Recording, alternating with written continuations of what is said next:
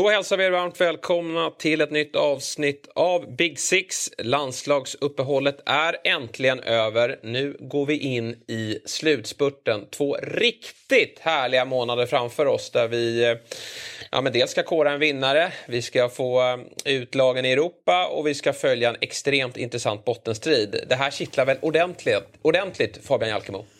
Ja men det gör det faktiskt. Man, som jag sa förra veckan, det har varit ett, ja, men ett välbehövligt landslagsuppehåll. Eh, nu är det ju en engelsk podcast. Vi, vi trodde att det skulle bli lugn och ro och vila men eh, det var ju någon intervju där i måndag som har tagit lite, som har gjort att man har fokus, fok fått fokusera på fotbollen ändå. Eh, men den har avhandlats precis överallt så det, det, är inte vi rätt forum för att göra. Men nej, det är jävla massa. Vi, eh, det är Europaplatser, det är bottenstrid, det är toppstrid, det är Europa. Det är ett, nej, vilken jävla vår vi har framför oss och det känns surrealistiskt när du säger att det är två månader. Det kommer, det kommer gå undan och det kommer vara full fart in i mål från och med nu.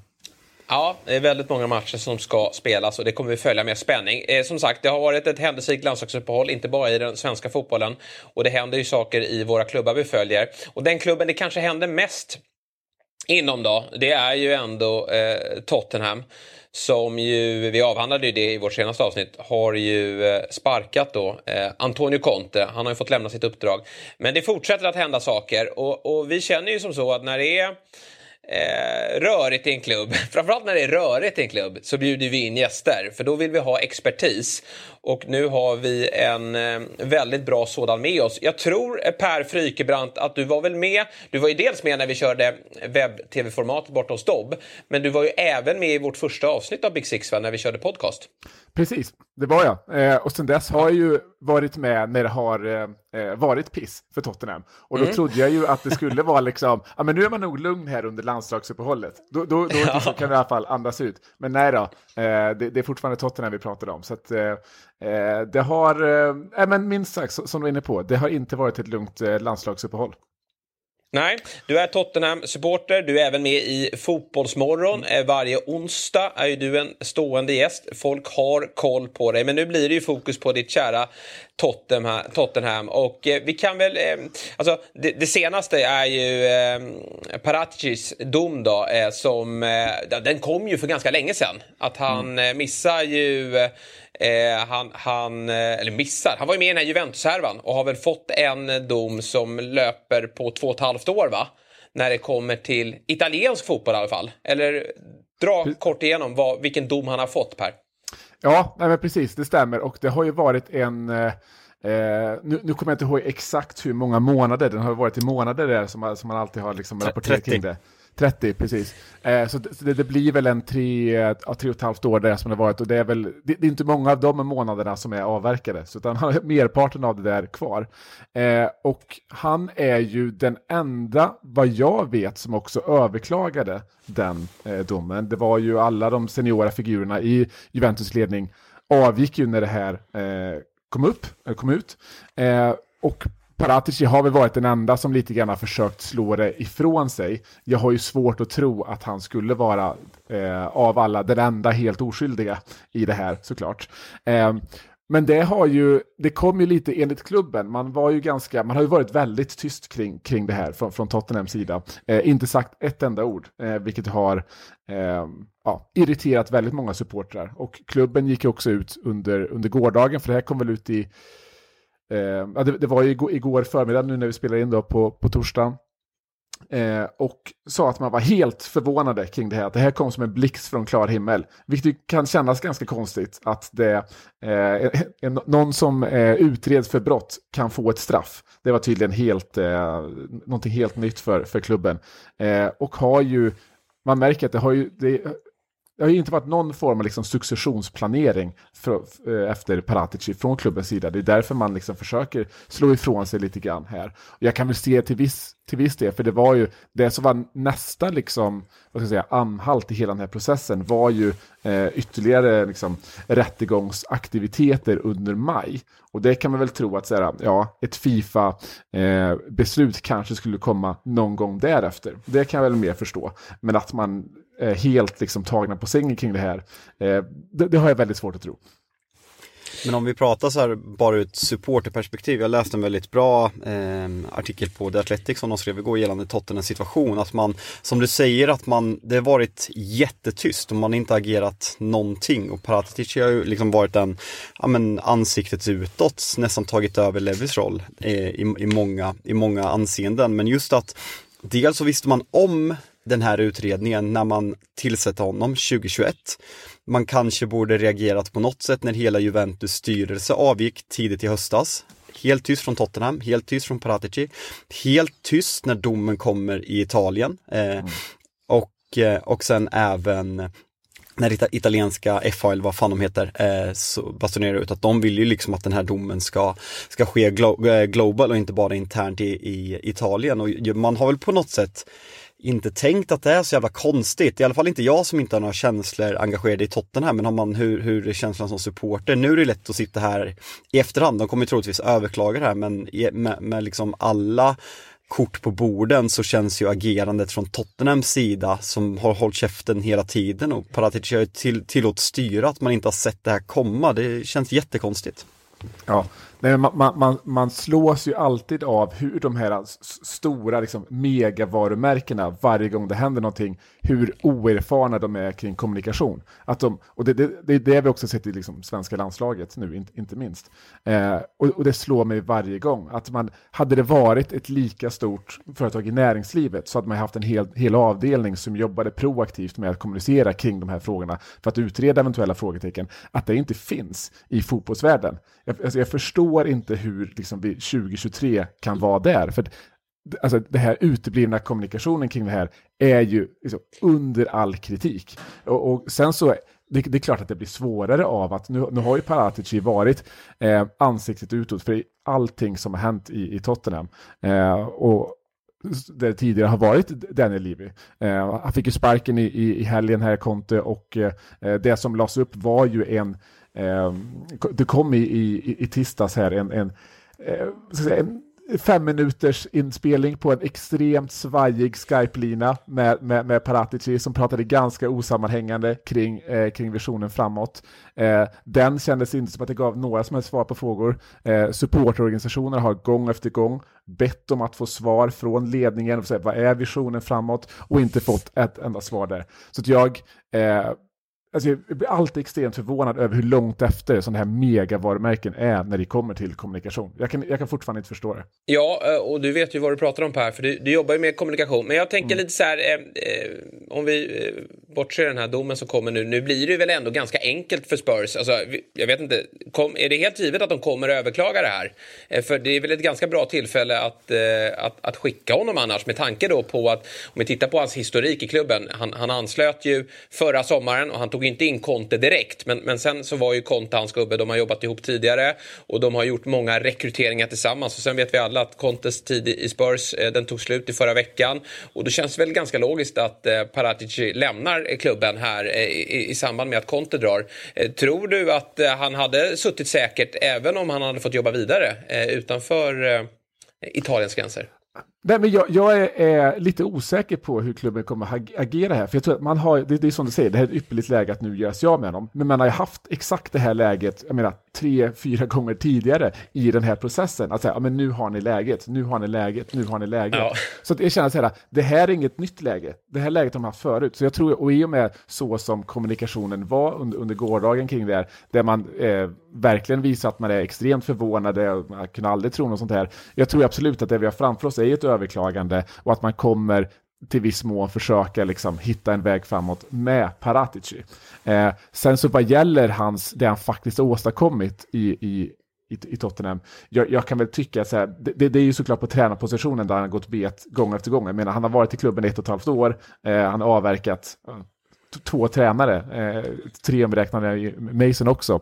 Eh, så att, men, men, på spelarfronten eh, har det väl varit ändå så här, det har varit helt okej. Alltså Tottenhams problem. Men har det inte, men har det inte blivit för, förlåt att jag avbryter Per, men har ju framförallt inte, alltså det, det är ju vissa värvningar, Richarlison kan man ifrågasätta no, någon i somras, men kollar man Romero, Bentancourt och Dejan så är det kanske de tre bästa värvningarna Tottenham har gjort på uh, senaste, nu bara Kilisia, men senaste sju åren rent spontant, för där har det varit jätteproblem med, med tillsättningen egentligen sen man sålde Gareth Bale och fick, om, fick in de pengarna. Det går ju att räkna liksom på en hand hur många riktigt, riktigt lyckade värvningar Tottenham har sedan den tiden. Så kollar man bara på värvningarna så är det ett jävla framsteg och just att man kan ta nej, Juventus som har dominerat den italienska fotbollen och få in honom och liksom med nya arenan, man får in Conte, det kändes liksom, Tottenham är på riktigt nu och det mm. skulle man tappa honom och tappa Conte så känns det, vi pratade, jag vet inte om du lyssnade på vårt förra avsnitt men vi pratade om ett jävla vägskäl. Sen, jag vill bara få in en fråga till dig också så du får många frågor nu men för när, när Nuno sparkades då var det Paratici som citerades och liksom pratade om visionen framåt för Tottenham och när man anställer Conte. Nu när Conte sparkades på hemsidan så var det Daniel Levy som citerades och det var han som pratade om framtiden. Tror att det kan ha någonting att göra med utredningen, att man kanske misstänker att det inte finns någon väg framåt, att han inte är lika inblandad i rekryteringen av nästa tränare, om vi bara får spekulera.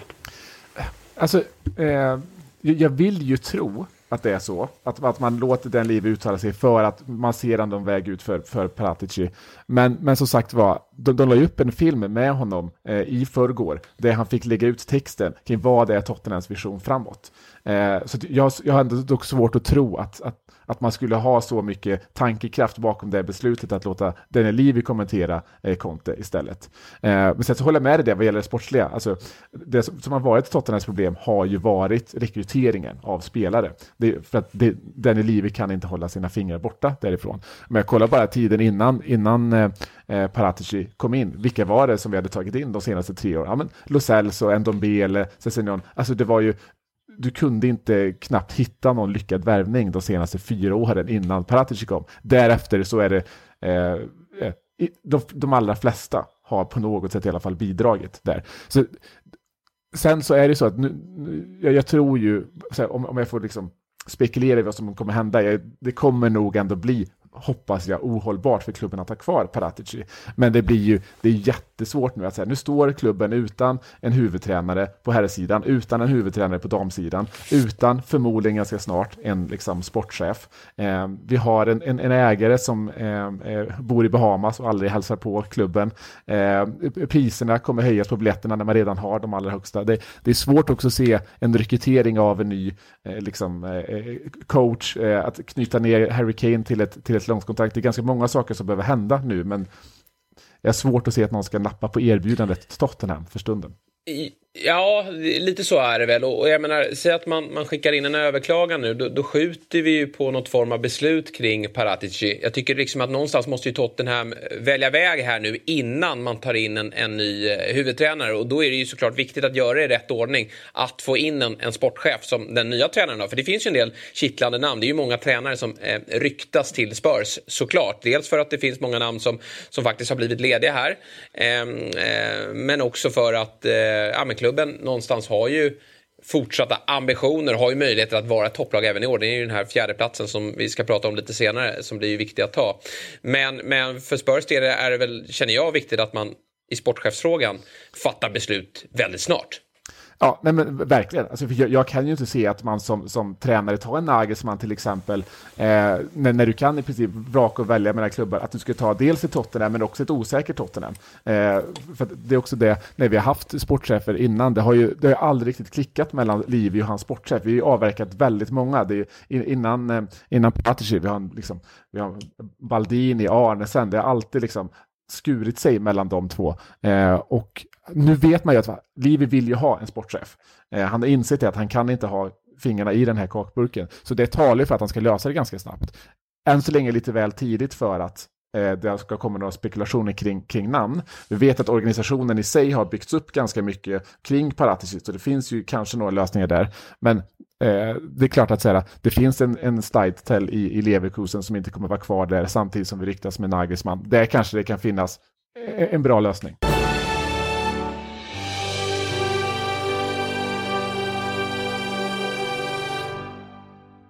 you poddtips från Podplay. I podden Något Kaiko garanterar östgötarna Brutti och jag, Davva, dig en stor dos skratt. Där följer jag pladask för köttätandet igen. Man är lite som en jävla vampyr. Man har fått lite blodsmak och då måste man ha mer. Udda spaningar, fängslande anekdoter och en och annan arg rant. Jag måste ha mitt kaffe på morgonen för annars är jag ingen trevlig människa. Då är du ingen trevlig människa, punkt. Något Kaiko, hör du på Podplay. Därför är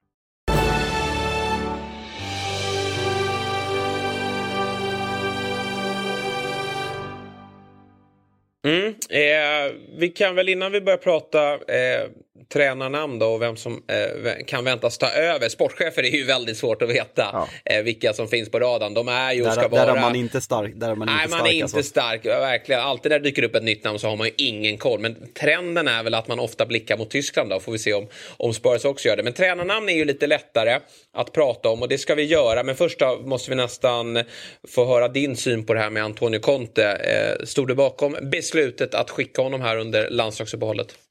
Ja, men absolut. Eh, utifrån så som det blev. Jag har ju varit ganska frågande kring det tidigare. Det, det är klart att sparka Antonio Conte är inte en ny fråga för Tottenham-fans. Eh, och det är så, så, som den här sista presskonferensen var och liksom diskussionerna har gått där. Det var ganska tydligt att man behövde ta det beslutet. Det kom ganska mycket kring att spelare skulle börja ställa ultimatum kring hans, kring hans närvaro i klubben. Det som jag satt mig emot var väl att säga inför de tio sista matcherna i, i, i, i ligan är vi bättre eller sämre med Contes stab eller Ryan Mason?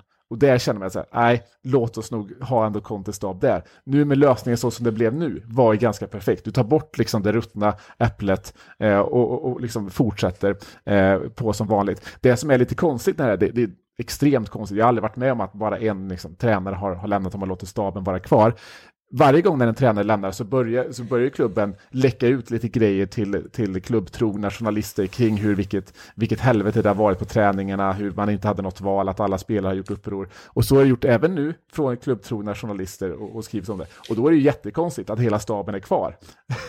det är liksom, det, det, så det är en, en väldigt konstig situation, men jag tror att så som det blev nu. Eh, nu är det också så att Ryan Mason ska bli pappa igen om några veckor så det även varit rent logistiskt konstigt att han skulle ehm, eh, få allt ansvar. Så att jag tycker så som lösningen blev, den är jag väldigt nöjd med. Jag minns, inte riktigt hur, jag minns inte riktigt hur du ställde till eh, när, när Conte blev klar för klubben. Men jag antar att du, liksom hela fotbollsvärlden, ställde dig positiv. Är du eh, förvånad över hans eh, Alltså, resultat ska jag inte säga var svagt i fjol. Vi, vi, tycker att en fjärde plats var starkt med tanke på i vilket läge han klev in. Men, men den här säsongen har ju ändå varit ett misslyckande. Eh, är du förvånad över att eh, det har gått så eh, dåligt för honom i år? Och, och, vad tycker du, om du får peka på någonting, eh, eh är det som har, eh, vad är det Konto har felat på tycker du? Alltså vad gäller vad som var min reaktion när konto kom in, vi kan väl bara spola tillbaka bandet ungefär ett och ett halvt år, eh, när jag öppnade en champagneflaska i Big Six. Så var det ja! Så, så att, mm. så att ja, det säger väl en hel del om vad jag tyckte och tänkte där och då. Eh, men men vad, vad gäller liksom, eh, alltså att staben är kvar, eh, och inte Conte, det säger ju ganska mycket. Det innebär att det här är ju inte ett sportsligt beslut. Och det är klart att där, där Tottenham ligger, det är ju inte en sportslig katastrof. Eh, men man ska inte glömma här att Contes år har kantats av, han har haft tre nära vänner som har gått bort eh, in, inom fotbollen och även, även inom klubben. Eh, han har liksom själv dragits med hälsoproblem. Eh, jag, jag tror väl att det är ganska mycket där som liksom har satt en, en, en stress och en press på honom snarare än det sportsliga resultatet som har gjort att han känner att så här, jag vill inte vara fotbollstränare just nu. Nej. Eh, om vi tittar blickar framåt då och tittar lite på eh, framtida namn. Jag tänker att eh, Fabian, du får ge din syn här. Nu har ju Nagelsmann blivit entledigad från, från jobbet i, i Bayern München. Det pratade vi om i, i, i måndags och han ryktas ju vara aktuell. Zinedine Zidane har, har dykt upp som ett rykte och det gör han ju nästan alltid eftersom han alltid det kom, går det utan tränarjobb. Nej, det blir ju Real Madrid igen. Ja. Den kan vi stryka. Men också då så var det ju en, ett, ett stort namn som, som kanske har varit högst upp på den här listan över tränarnamn som har varit lediga. Och det är Luis Enrique som eh, nu eh, började prata igen och det är lite så klassiskt tycker jag. Jag känner igen det från Max Allegri när han klev av Juventus. Att det, är, det är först tyst i en början men sen när inte jobben dyker upp, ja, men då börjar de vända sig till media. Och i, i Luis Enriques fall då så går han ju ut ganska tydligt och säger att Premier League vore intressant för honom men att han då vill ta sig an ett intressant projekt.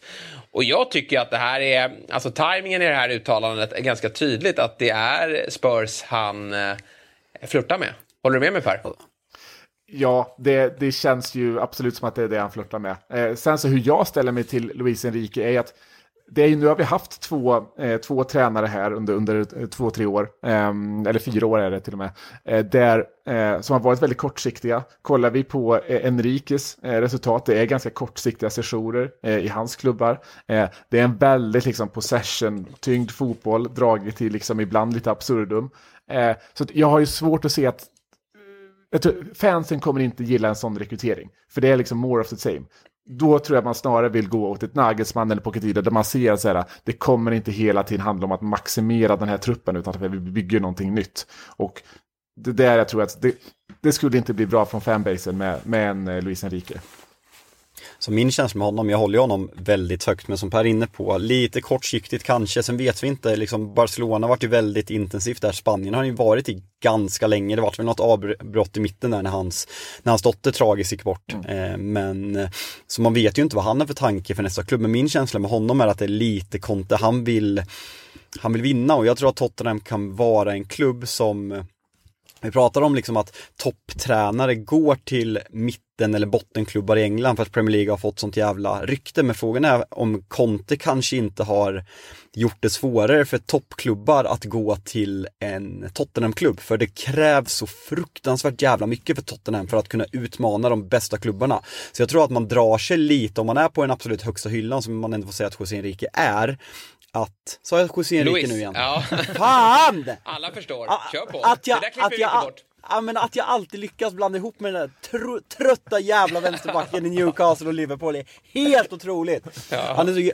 Nej, otroligt. Nej men alltså, ni fattar vad jag menar. Att just att folk kan avskräckas, för det är det som känns med Conte. Conte fick liksom förutsättningarna, jobba med sin gamla sportchef, han fick komma till ny arena, liksom, det finns ändå pengar att värva för man jämför med i utlandet när han var i Inter exempelvis. Men sen insåg han efter ett tag, kommer aldrig kunna slå City. Kommer aldrig kunna slå Liverpool långsiktigt. Jag tror att folk kan vara rädda för det, exempelvis Luis Enrique, för att ta mm. honom som exempel. Du eh, lyfter fram eh Pochettino här ändå, eh, Per. Och, och, jag vet inte om du har lyssnat på våra senaste avsnitt, men vi, vi mm. är ju motståndare till det här. Men vi håller å andra sidan inte på Tottenham. Eh, kan du berätta för mig varför du tror att en eh, återkomst hade varit bra? Och vill du det? Nej, alltså min, min prioritering ligger inte på en återkomst för Pochettino. Utan det har alltid varit, nu, nu var det, när Tuchel var, var ledig, då var han liksom mitt första val. Nu är Nagelsmann ledig, ja. nu är han mitt första val. Liksom. Och Pochettino är alltid liksom lite andra valet. Han är ju det här exet som man, säger, man inte riktigt har, så att man vet att säga, ja, men där kommer jag ha ett bra liv. Men det kanske inte liksom det som är min själsfrände för, för stunden. Liksom. Eh, så att, eh, men däremot tror jag ju att så här, eh, ska vi gå tillbaka till Pochettino så ska det ju vara då att vi bygger någonting nytt. Nu har ju fokus hela tiden varit på att liksom klämma ut det sista ur Harry Kane och Heung-Min Son och alla, alla, alla de där. Eh, nu är vi ju, börjar vi gå över där det inte liksom längre handlar om att klämma ut det sista ur Son. För någon, ja, någon har nog redan gjort det. Eh, så att, Pochettino är ju som sagt var en, en, väldigt bra tränare. Han, han, han är också van, kollar vi situationen i Tottenham nu, eh, utan sportchef. Jag menar, så var det ju under hela Pochettinos era i princip. Så att, utifrån kaoset som är i Tottenham idag, eh, Pochettino är ändå en sån som hade kunnat hantera det och acceptera det kanske. Så det, det talar väl för en, för en Pochettino. Och kanske också då att eh, Harry Kane går in och, och säger att ska jag vara kvar? Då vill jag att, eh, att han kommer tillbaka. Och, och, det är klart att det väger ty, tungt i, i, i, den typen av diskussioner. Vi har annars pratat väldigt mycket om De Serbi. Eh, vi mm. är ju eh, förtjusta i vad han har gjort eh, i Brighton. Samtidigt kanske som, alltså vi har ju Potter som ett ganska färskt exempel på att det, det är ju ett, ett, steg att ta. Man kan lyckas med de mindre klubbarna, göra det på ett, på ett charmigt sätt. Men, men sen då när man tar steget upp till en, en stor klubb där, där kraven är stora. Och det är det ju. Det är klart att Chelsea har en historia historia av att vinna mer. Eh, det, det tror jag du skriver under på. Men, mm. men, det är ju ändå, vi befinner oss i en situation nu med Spurs ändå där mycket är på plats och det som saknas är resultaten. Och, och det har ju inte, De Serbi har ju inte ställts inför det faktumet. Hur, hur ställer du dig till italienaren? Nej, men De Serbi absolut där uppe. Jag skulle gilla honom jättemycket. Så svårt att se. Nu, nu ligger väl en utköpsklausul på 30 miljoner eh, mm. pund. Någonting sånt där. Eh, svårt att se att ett Tottenham skulle betala det för en tränare. Faktiskt, jag har svårt att se att Brighton skulle vilja släppa honom för någonting som inte är klausulen där. Men jag, han, han, han absolut upp för mig och sen så, jag tror att säga, fansbasen, liksom Tottenham-community, vill ju ha någon där det inte handlar om att komma in och garantera liksom, titlar och vi kommer liksom, lägga ner allt det här som krävs och sen så kommer man misslyckas där. Man, man vill ju se någonting långsiktigt. Och jag tror att den som kommer in nu kommer, beroende lite på vad det är för profil, kommer inte ha den här kontepressen på sig, utan det kommer vara att bygga någonting långsiktigt. Alltså ta lite så här Ten Hag till United, alltså att du har råd att komma liksom sexa, sjua i år för att börja bygga framåt, bygga någonting nytt, vilket var precis det som, som Pochettino fick när han kom. Så jag, jag tror väl att det är ju, eh, det är någonting helt annat att gå till Tottenham idag eh, för en till Serbien än vad det är att komma från Brighton till, till Chelsea för, för Potter till exempel. Men det är där exempelvis Ten Hag med United, alltså kolla bara fanbasen, hur mycket go det har gett United i år, att alla är nöjda. Rent alltså kollar man spelmässigt kanske inte har sett så jävla bra ut som om man kollar på tabellerna, men bara för att folk hade förväntat sig att United skulle komma sexa och något, på något sätt accepterat det för att vi är så svältfödda på saker så, mm. så hyllar man och ställer sig bakom laget och det är något som laget behöver. Eh, så det, det där tror jag absolut och sen är frågan pressen sån som Nagelsmann, många liksom trycker på bluffkortet eh, han blir ju på något sätt pressad i sin persona om han skulle gå till Tottenham, för det är då skulle han misslyckas ännu en gång, vad blir hans nästa jobb? Vad är han på för hylla i sådana fall om man får sparken från Bayern München och misslyckas i Tottenham? Då är, då är det liksom inte den där unga, lovandes, framtida supertränaren som ska komma tillbaka någonstans och ta det där. Så där har du pressen på ett personligt plan medan De Serbi eller Pochettino är mer där har du mer så här, det här långsiktiga, jobba utan press. Eh, så där, där tycker jag ändå att det är en skillnad på de tre olika valen. Mm. Om vi eh, släpper eh, tränarfrågan och, och, tar oss till en annan fråga som hela tiden är aktuell i Spursleda, och det är ju Harry Kane. Och eh, det är ju alltid rykten kring honom även om han själv sällan uttalar sig om sin framtid. Vi vet vad som hände förra sommaren då när det var Manchester City-rykten. Då var det ju ändå ganska tydligt att, eh, att han ville bort men, men den affären gick inte att lösa. Det var irriterat i början men sen så känns det som att han har tagit sig tillbaka in i, i era hjärtan. Vad, eh, vad känner du inför för den sommar som stundar och, och vad tror du om Harry Kanes framtid? Det blir ju mer och mer osäkert ju mer, ju mer kaos det blir. Det känns att vi bara fyller på med mer och mer kaos hela tiden. Eh, och det är därför också jag tror att alla inblandade, eller ja, framförallt Danny Levy, vill hitta en snabb lösning på allt det här kaotiska. För att det viktigaste just nu är att Harry Kane skriver på ett nytt kontrakt. Sen, sen har ju ingenting förändrats i vad jag tror att som är Harry Kanes mål och liksom objectives här. Att han, jag tror ju verkligen att det är målrekordet fortfarande som liksom, det, det är det han bryr sig om. Eh, och det finns ju i England bara en klubb tror jag, som man skulle kunna gå till, som skulle kunna ta in honom. Och det är ju Manchester United. Jag tror ju bättre de går, eh, det är lite frågan där, kommer de känna att så här, vi går mot en till exempel Osimhen för att bygga mer långsiktigt framåt, eller går vi för att maxa inför nästa år, ta, ta titeln och så tar vi in en Harry Kane. Eh, det, scenariot har jag alltid här, lite, lite viftat bort det för att säga United det kommer alltid vara osäkert för honom. Nu, nu när han liksom, han kommer ju komma upp i 30 mål eh, i ligan i år för Tottenham, varför skulle han då gå någon annanstans om man jagar rekordet? Men ju bättre och bättre United går, ju mer känns ja, det där börjar bli mer och mer av ett, eh, av ett hot. Sen tycker jag fortfarande att ett, ett United Alltså, så, så, så, så, som de, de går nu och så, den, den möjligheten som de har framåt kanske inte ska gå på en 100-120 miljoner pund värvning av en 30 plus Harry Kane.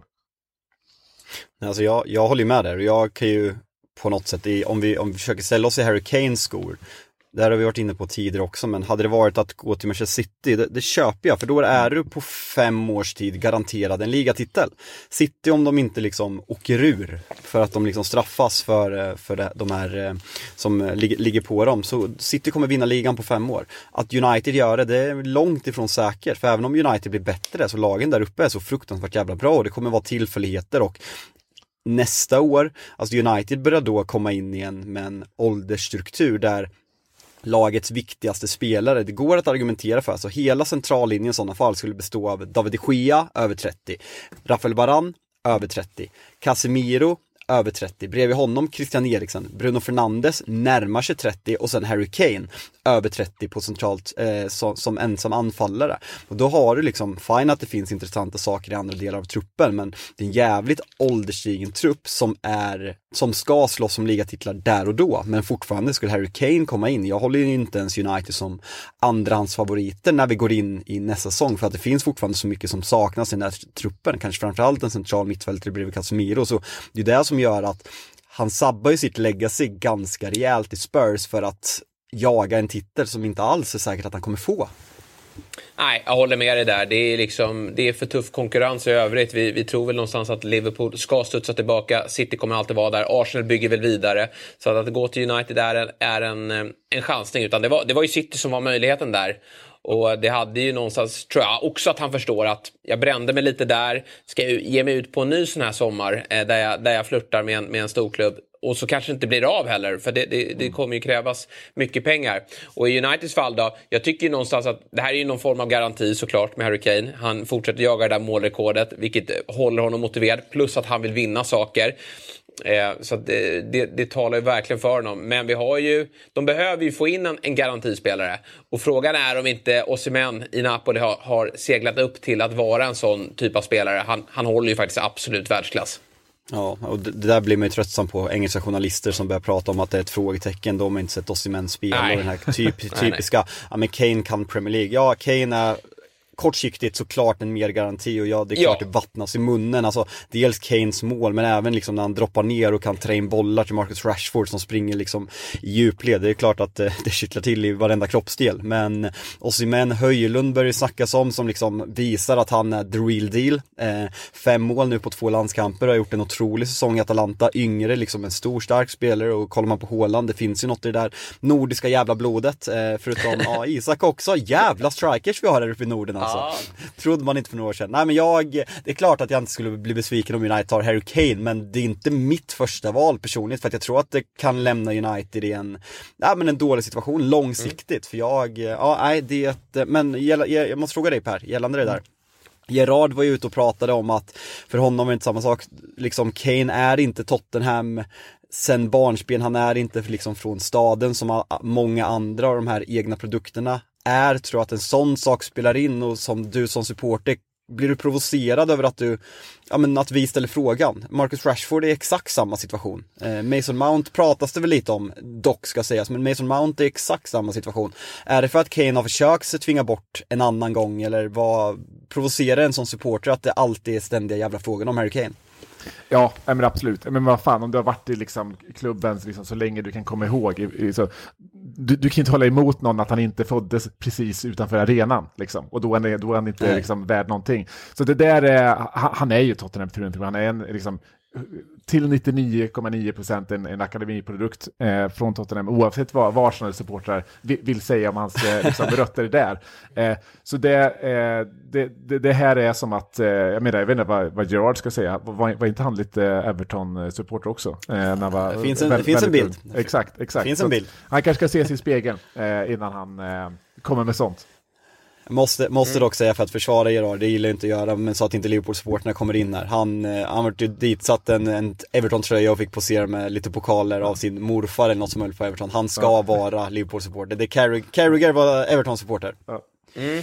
Men eh, om vi, eh, innan vi släpper Tottenham då, eh, kollar lite på i, i närtid då och, och, slutet av den här säsongen. Vad har du för förhoppningar på att eh, ni ska nypa den där fjärdeplatsen? Ja, nu frågar sig om det, om det kommer bli något new manager bounce när man inte har en ny manager. Eh, men, Nej, men, det är lite roligt när man har tittat när, när Stellini har coachat, när Conte har varit på sin lilla sjukresa, då har det gått, då har det gått bättre. Eh, så det, det talar för att vi, alltså inom en, en new manager bounce, inom citationstecken i alla fall. Sen så är ju eh, april här en ganska tacksam eh, månad för, för Tottenham. Eh, så att eh, det är klart att får, får man resultatet där man känner att, eh, att fjärdeplatsen och liksom kampen med Liverpool börjar liksom luta mer på fördel. Eh, jag, jag, tror det handlar mycket om april här och de, de kommande matcherna. Mm.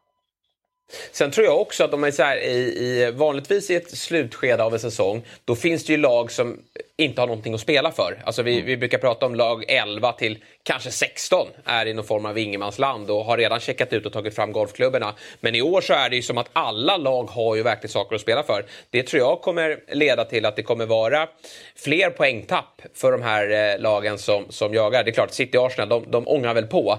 Men sen så tror jag faktiskt att det kommer vara ett par eh, minor för, för de större lagen i jakten på, på diverse eh, Europaplatser. Då. Men eh, skadeläget är väl ändå bättre nu va, för Spurs också. Bentancourt är out och sen såg jag att Emerson Real drog på sig en knäskada här under landslagsuppehållet. Men där känns det väl som att Porro har tagit den där platsen nu. Eh, ja, absolut, absolut. Så att, eh, han, har ju, han hade en katastrofal eh, debut för Tottenham, men därefter har han bara gått från klarhet till klarhet. Så att han, det är klart, oavsett eh, Emerson skadad är eller inte så hade han spelat. Eh, nu har vi inget annat än ligan att fokusera på, så det, han ska ju klara av att spela eh, alla minuter där. Sen har vi Sessignon eh, som är fortsatt skadad, men på väg tillbaka. Där har ju Perisic varit helt katastrofal på den andra sidan där. så att behöva stå ut med det ett tag till. Vi har Loris har ju börjat komma tillbaka lite i träning. Han lär väl vara tillbaka kanske i slutet Force, av april. Forster har ändå gjort det bra. Alltså där var ju många skeptiska, ja. kanske framförallt efter de här efter VM-matcherna när han såg ut som en division 5-målvakt. Men han har ändå, nej men gjort det bra. Eh, hur, vad är status på Richarlison förresten? Han, eh, lite tag till eh, som, som han är borta. Mm. Eh, I alla fall, men li, lite oklart är det. Det ska inte vara, det inte vara allt för långt i alla fall. Eh, så det är, eh, det ljusnar väl i alla fall. Så det, det är bra mm. att vi har under april här liksom överkommit motstånd när man går in liksom i slutskedet i maj när vi har Liverpool bland annat. Att då ha ett, förutom då Bentancourt, ett, ett, ett, ett, ett eh, helt lag.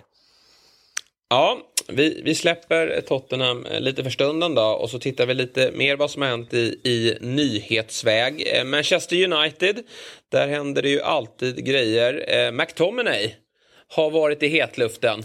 Och eh, det, ja, men det är helt sjukt faktiskt att han smäller dit fyra mål på typ en och en halv match också. Han hoppade väl in i, den, i, i det första mötet. Eh, och gjorde två sena mål. Vilka var det Skottland mötte i första matchen? Cypern, tror jag. Ja, ja just det. Mm. Två mål där. Sen möter han ju då Spanien eh, och, och smäller in två nya mål. Eh, det här har man inte sett så mycket av i, i United. I alla fall inte den här säsongen. Det känns alltså, som att Vegårs får passa sig nu. Det är bättre med McTominay ja, där uppe nu. Ja. Nej men alltså helt, helt oironiskt, ja. Alltså ja. testa. Alltså mm. McTominay han har ju liksom fysiska attributer för att spela både mittfält och liksom vara där uppe och vara en länkspelare och vad Weggars nu bidrar med att folk säger att han pressar. Ja, men vad fan kan McTominay smälla in de här målen på, på, på liksom 150 minuter som Weggars inte har gjort på, vad är det nu, 15 starter så eh, varför inte? Eh, det blir kul att se Weggars, eh, eh, det blir inte kul att se.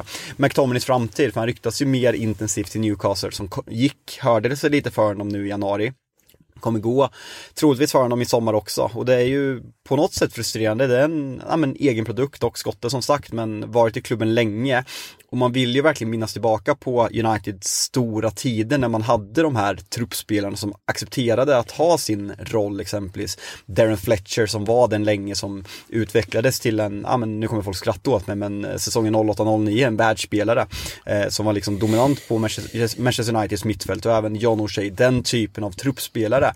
Nu känns det verkligen som att Ten Hags vägran till rotation och McTominays problem att hitta en roll på det där mittfältet gör att jag köper att han ser sig för men det är såklart tråkigt om det händer. Mm. Och just Newcastle då som, som äh, väntat i helgen, äh, den ska vi snacka upp alldeles strax här. Annars då? Han, han, blir, han, blir, han blir deras Sinchenko. Ja, verkligen. Det, det, ser man faktiskt eh, komma. Men du, de Gea då, han har väl utgående kontrakt här nu va? Och mm. eh, han har tydligen nobbat det första kontraktsförslaget. Jag är lite intresserad hur det kontraktsförslaget ser ut, för alla vet ju vilket eh, lukrativt avtal han har eh, suttit på. Då. Eh, hur, hur generösa är United när det nu ska förhandlas nytt kontrakt, tror du? Det har varit ganska tydligt från bådas led att det kommer vara en rejäl lönesänkning. Han ligger alltså på 375 000 pund i veckan, vilket jag tror är ganska överlägset världens bäst betalda målvakt. Och eh, det är, så bra är han inte. Men det är tydligt i alla fall att de kommer komma överens. De nekade först, första budet från de Geas kamp, vilket tydligen är, ja men nio gånger av tio så gör man det bara för att man vill förhandla. Eh, men det här visar ju att United har bestämt sig och Ten Hag har bestämt sig att de Gea kommer vara första målvakt, i alla fall de två kommande säsongerna. Det där har ju varit en ganska stor eh, debatt i United-led. Ska vi satsa på en ny målvakt? Är de Gea tillräckligt bra för att spela Ten Hags fotboll? Hans bristande egenskaper med fötterna. Jag känner väl att långsiktigt så vill inte jag ha de Gea i mål, men jag tycker jag kan acceptera den här lösningen för jag känner att vi behöver en central anfallare, vi behöver en central mittfältare framförallt eh, som kan slå en passning och kan liksom diktera ett speltempo. De positionerna är viktigare att förstärka än att lägga ja, men extremt mycket pengar. Och United Scouter har varit ute och kollat målvakter under väldigt lång tid men de ser inget värde i marknaden. Eh, så jag, eh, jag är på något sätt okej okay med den här kortsiktiga lösningen. Det, det känns som att United har skjutit upp målvaktsfrågan så fruktansvärt länge med Din Henderson på 38 olika lån och det har varit andra målvakter och det har varit i Gia, det är cirkus. Men eh, känns ändå, Din Henderson ryktades till Spurs såg jag Per va? Eh, ja, det gör de flesta målvakterna vid det här laget. eh, men, men han, han, får gärna komma. Det, det, det, verkar annars som att, jag tror Pickford skulle nog vara det, det hetaste alternativet om det inte är, det är han. Men, eh... Fy fan, då, då, då slutar jag följa Premier League. Det orkar jag inte se. Nej men det, det, går inte, det går inte. Han förlängde väl kontraktet ganska nyligen, men det, kan, Just det, finns, ja. det, finns, Just väl en, ja. eh, det finns väl en klausul såklart om, om Everton eh, ryker. Men ja, alltså så här, det sker, ja han, han blandar ju och ger. Ibland tycker jag att han är fortsatt absolut världsklass och så ibland ser man de här taffliga ingripandena. Men, men man ska ju veta det att går man skilda vägar då, då ska det in en ny målvakt och, som ska vara bättre än de Gea. Och det är ju inte helt lätt att få in en sådan. Eh, det kostar väldigt mycket pengar och vi vet ju hur lång tid det tog för de Gea också att skolas in och vi har ju sett Chelsea ta in Kepa eh, och, och det blev ingen fullträff. Så det, det, är väldigt svårt att hitta någon en, en garanti, garanti i den sista utposten. Då. Så jag, jag, tycker nog att man eh, gör rätt här, eh, även om det givetvis inte får kosta hur mycket som helst. En, en, en annan spelare då, som det som snart, han har väl inte utgående i sommar utan det är väl eh, nästa sommar va? Mason Mount. Eh, där det verkligen verkar som att de inte kommer överens, eh, Chelsea och eh, Mason Mount. Men eh, nu, och då har det pratats om Liverpool eh, som, som en, ett rimligt nästa steg. Men så dök det upp ett, ett rykte här som jag väljer att köpa rakt av och det är att Tuchel vill ta med Mason Mount till Bayern München. Det låter väl superrimligt? Det var, en, det var en favoritspelare från dem så det, det, tycker jag låter jätterimligt. Det, var, det kom ut en artikel gällande Mason Mounts eh, framtid nu för bara någon timme sedan och det pratas ju United är där och intresserade, Tottenham är där och intresserade och liksom hör sig för även Arsenal, Juventus utomlands och Bayern München. Men vad som skrivs är att Chelsea kommer kräva uppemot 70 miljoner pund och då är frågan så här, betalar man det för en spelare med ett år kvar på kontraktet. Sen är den där frågan igen, egen produkt. Vi vet hur länge han har varit i Chelsea, hans känslor för klubben. Skulle han låta kontraktet liksom rinna ut för att gå som bossman, det, det är jävligt problematiskt på många sätt. Så det där blir, det blir kul, om det blir en huggsexa eller om man bestämmer sig för att stanna. Eh, det är sjukt igen, vi återkommer dit, men att Chelsea har satt sin situation, att det inte är en självklarhet att Mason Mount skriver på ett nytt kontrakt, för han ska ju vara det i Chelsea.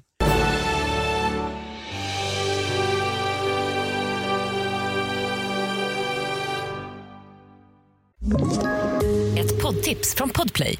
I podden Något Kaiko garanterar östgötarna Brutti och jag, Davva, dig en stor dos skratt.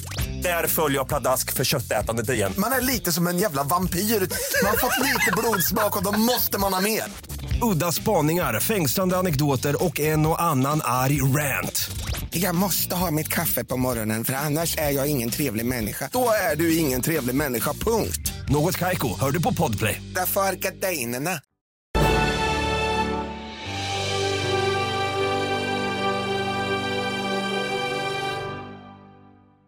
Ja, nej, verkligen så. Men det, Bayern München känns ändå som det, det sköna steget för Mason Mount att ta. Alltså det, det kommer bli problematiskt att gå till en annan Premier League-klubb, även om jag tror att Mason Mount är, han är uppvuxen med Premier League. Det är där han vill vara med, med intresset som finns. Han blir lite bortglömd i Bayern München.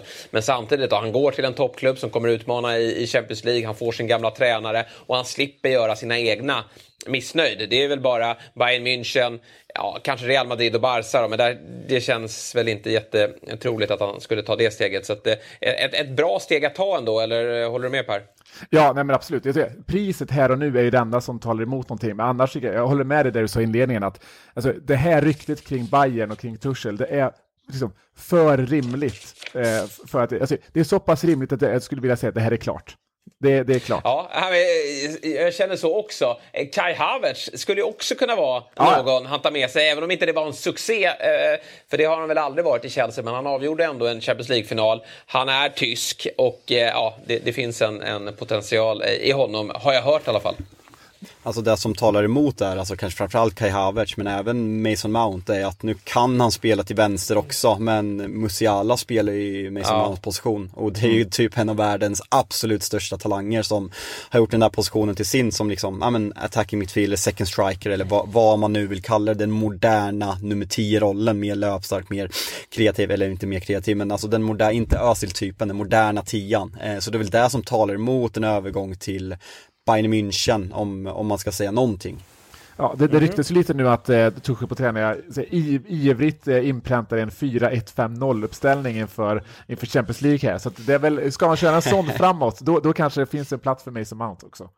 Nu är det bara att köra Musiala, Mason Mount och ja. Havertz. Ja. Och sen har man, sen tar man in, vad fan har de som defensiv mittfältare? Kimmich. Kimmich och ja. Goretzka löser det där och sen bara gasa. Med massa jävla second striker som man inte vet vilken position de är bäst på. Jag skulle ju väldigt gärna vilja se Musiala i, i Premier League. Han har ju eh, Englands koppling. Det är väl eh, mamma va, som är från eh, England tror jag. Han har representerat varenda ungdomslandslag i England. Exakt, så det är, det ja. är jävligt, jävligt, tråkigt. Var väl i Chelsea också. Chelsea Just det. Mm. Precis, han blir ju inte helt lätt att lösa kan jag tänka mig. Men kanske att det finns en, en önskan hos honom också då, att få spela Premier League. Jag tycker vi börjar rikta blickarna mot helgen och Premier League i stort. Eh, jag är lite nyfiken Per vad du tänker om eh, den här helt otroligt jämna bottenstriden. Ge oss tre lag som åker ur nu.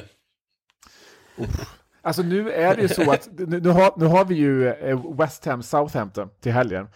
och jag känner, mm. nu är det ju verkligen dags för, för West Ham. Alltså det här är en otroligt viktig match för dem. Det är nästan viktigaste matchen de har framför sig här. Att ha en trepoängare där, för den tror jag kommer av, avgöra lite grann vart ja, men ja, men vart, de, vart de hamnar helt enkelt eh, när, när vi avslutar den här säsongen. Så jag, eh, jag, skulle, jag skulle vilja se skulle se den matchen, för det tror jag att mycket kommer att avgöras i, i bottenstriden. Sen nu med Everton, med, de har ju verkligen fått träff på, på Shandaish. Det visste man ju såklart. Alltså att de skulle få det. De bara hem, liksom, hovar in kryss eh, nu. Ni torskar ju på måndag, så är det ju.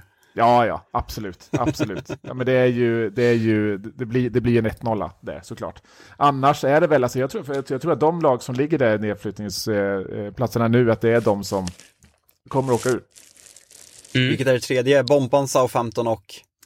Eh, West Ham har väl, West Ham har väl platsen nu va? Ja, det kanske är så. Inte. Ja, det, är, det är så jämnt där så att man, man liksom, det är knappt som man, man vet vilka lag som är där och det är hela vägen upp till Crystal Palace på, på 12 plats då. Men eh, det, det, känns som att det är eh, otro... Alla lag kan verkligen ryka. Man har inget så här lag, ja men de där kommer att klara det. Jag trodde att Wolves var det. Men mm. nu är de inne i en, i en, i en svag form igen. Eh, intressanta matcher till helgen för just bottenstriden då. Det är ju Bournemouth mot Fulham. Där Fulham då fick ju eh, Mitrovic och, och, William, de är ju avstängda. Och, och kan väl framförallt Mitrovic, han... han eh, kan nog vara det en tid framöver. Och känslan är att luften har gått ur Fulham lite här nu. Att de, de har liksom redan fixat det de ska göra. Mm. Att spela Premier League nästa säsong. Gjort en otroligt bra säsong. Men nu blir det snarare att man, man ja, eh, fokuserar på, på uh, att bara liksom ta den här säsongen i mål. Jag läste igår att de nu hade ringt till domaren och bett honom om ursäkt, både Silva och eh, Mitrovic, ja. så vi får se. Det känns som att det är lite, ah, menar de det eller vill Men hur de många liksom matcher ska han ha minska... då, Mitrovic? Nej, jag vet inte. Alltså det där är så svårt. De vill ju liksom statuera ett exempel och det är så här en, en tackling som kan bryta ett ben eller liksom vart drar man gränsen liksom? När Suarez vart dömd för rasistiska kommentarer, när Suarez bet Ivanovic, när, när du drar en, en tackling som kan bryta ett ben, vad, vad vart i paritet med det här, vad, vad gör en knuff på domaren? Alltså det är klart att man måste beskydda domaren men jag kan ju tycka att en, en vårdslös livsfarlig tackling eller att det Suarez gjorde är ju ganska mycket värre. Eh, mm. Men eh, för folk pratar ju om liksom resten av säsongen uppemot 10 matcher och det kan jag väl tycka, jag kan väl tycka liksom standard 3 plus 1, 2 matcher till, alltså det räcker gott och väl eh, för mig personligen. Mm. Vi har eh, Nottingham Forest Wolves också till helgen. I allra högsta grad intressant match för eh, bottenstriden. Där vet vi att Forest är bra Pallas, på... Pallas Leicester också, bottenstrid. Ja, verkligen. Det har du rätt i. Pallas, alltså den är ju Man glömmer, man glömmer bort det. Det, ja. känns inte som det. Men Jesper, Nej, men Leicester skulle inte heller vara med. Ja. Avgörs ligan i helgen? Eh, hur tänker du då med att eh, Liverpool ja. nyper poäng mot City, eller? Ja, Liverpool nyper poäng, Arsenal slår Leeds. Då är, mm. då är det klart. Då är det klart. Nej, jag vill inte dra det så långt, eh, även om det blir det scenariot. Eh, det blir ju, för Arsenal har ändå ganska tufft schema eh, och, det ska nog smyga sig in lite demoner i de där eh, oerfarna spelarnas skallar. Men, men det är klart att det vore ett eh, välkommet resultat för Arsenal om Liverpool nyper poäng mot City. Det är ju frågetecken i City och då tänker jag framförallt då på, på Erling uh, Braut uh, Haaland. Tror ni han kommer till start? Ja, ja gör det va? Jag tror, tror också att Rashford kommer till start i United, alltså det känns så här, ja. Nu när det är kval, men det var väldigt, väldigt lägliga efter tuffa scheman, ah, men kastade in handduken till landslaget, drar på semester. Nu är Rashford noga med att visa hur hårt han rebar eh, för att komma tillbaka. Det känns, det känns som en liten känning som de Och jag såg ju bilder där. Foden bort också. Ja, Foden är borta och där, det är ju verkligen kört. Då. Det har ju varit en blindtarm eh, som, som är borta. Men, men jag tänker på Rashford, han tränade också. Jag såg bilder som, som eh, skickades ut. Han tränade med fotbollsskor. Det tycker jag är en viktig signal på att då är det nära. Är det, är det träningsdojorna på, gympaskorna på, ja då är det lite längre bort. Men vi kan väl börja med City-Liverpool. Vad, vad har du för tankar där eh, Per, eh, kring den matchen? Nej, men det, det, hela handlar ju som ni var inne på där på, på skadeläget. Jag tror Håland, alltså där eh, man har varit inne på att säga, men det är klart han kommer spela, man gjorde liksom lite, lite försiktighetsåtgärd i, i Norge. Jag, jag, jag, tror inte det. Alltså för nu, han spelade ju, han spelade ju bort Norge från EM på det. Eh, det ja. alltså, tack för det. Alltså, liksom, Verkligen. Missförstå mig, missförstå mig rätt. Men jag tror att han hade inte, eh, han hade spelat om han ens liksom, kunde. Eh, det känns ändå så att ett mästerskap för Norge betyder ändå så pass mycket. Eh, och, eh, och, och, Liverpool har ju liksom, ja, kunnat spela ihop, eh, spela ihop sig något mer under, under landslagsuppehållet än, än, vad, eh, än vad City har kunnat göra. Så jag, det, det, det, det, ligger ju ett kryss i luften här. Så, så det här är ju, alltså, City kommer verkligen behöva bekänna färg för, för, för, att, eh, för att få med sig något i den här matchen. Men ja, det, det luktar kryss. En spelare som jag tyckte växlade upp eh, var det visserligen mot Burnley och något annat dassigt motstånd eh, dessförinnan. Då. Men det är ju De Bruyne som också gör ett bra lands, eh, vet det, två bra landskamper. Eh, dels mot Sverige, då. Jan Andersson tyckte att han plockades ner. Det, det köper jag väl inte. Eh, han har haft det tufft. Eh, håller ni med om att Jan Andersson har haft det lite tufft massmedialt? Eh, skriver ni under på det? men, ja, det, men, men framförallt då, ett, Ja, exakt. Framförallt då, 1 plus 1 mot eh, Tyskland. Då. Träningskamp förvisso, men eh, jag, jag tror att han kommer vara, vara bra här nu i, i, i spurten. Men han behöver ju sin norrman där framme. Eh, och, och, jag tycker att, nu har ju inte Haaland gjort mål mot just Liverpool, men vi vet vad de har för brister eh, bakom sin backlinje och, och, det är ju där Haaland ska hota. Men det blir en häftig match som vi drar igång allting med. Eh, och sen så har vi också en häftig match givetvis då på söndag när United då åker till St. James' Park som är ju i allra högsta grad en intressant match för, för tredje och fjärde platsen.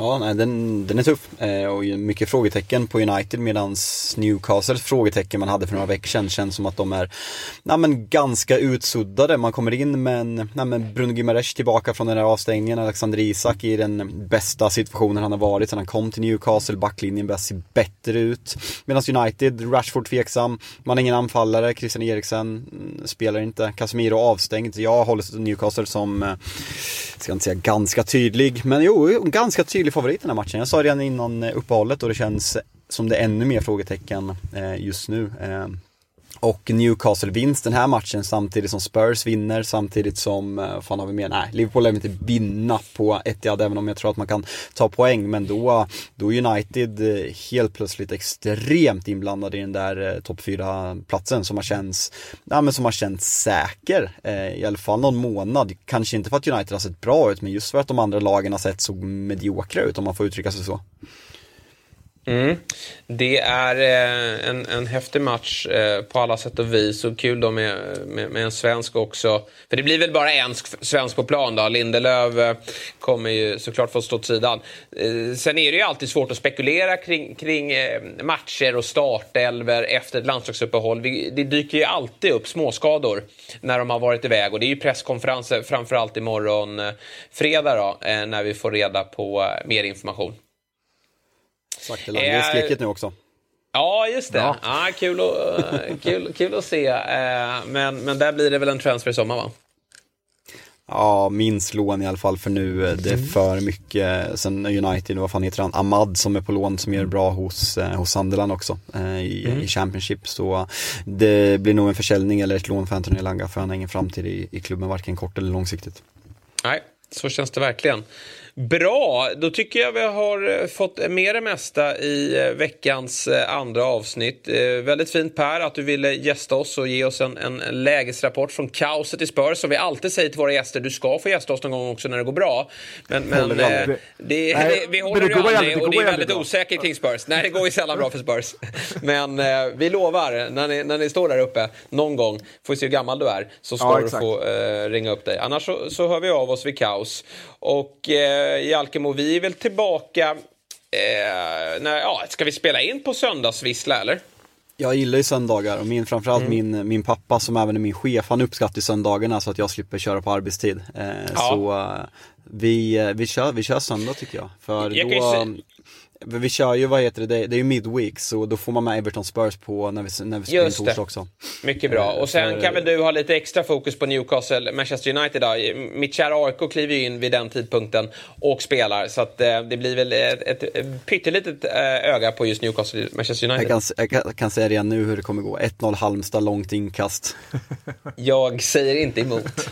Eh, även om jag blir förbannad när du säger det.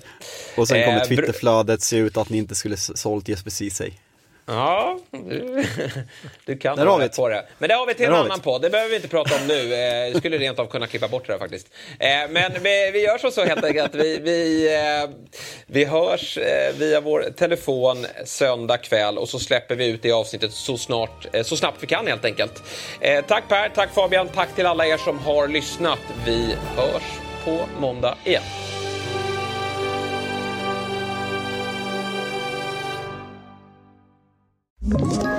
Ett poddtips från Podplay. I fallen jag aldrig glömmer djupdyker Hasse Aro i arbetet bakom några av Sveriges mest uppseendeväckande brottsutredningar. Går vi in med hemlig telefonavlyssning och, och då upplever vi att vi får en total förändring av hans beteende. Vad är det som händer nu? Vem är det som läcker? Och så säger han att jag är kriminell, jag har varit kriminell i hela mitt liv men att mörda ett barn, där går min gräns. Nya säsongen av Fallen jag aldrig glömmer på Podplay.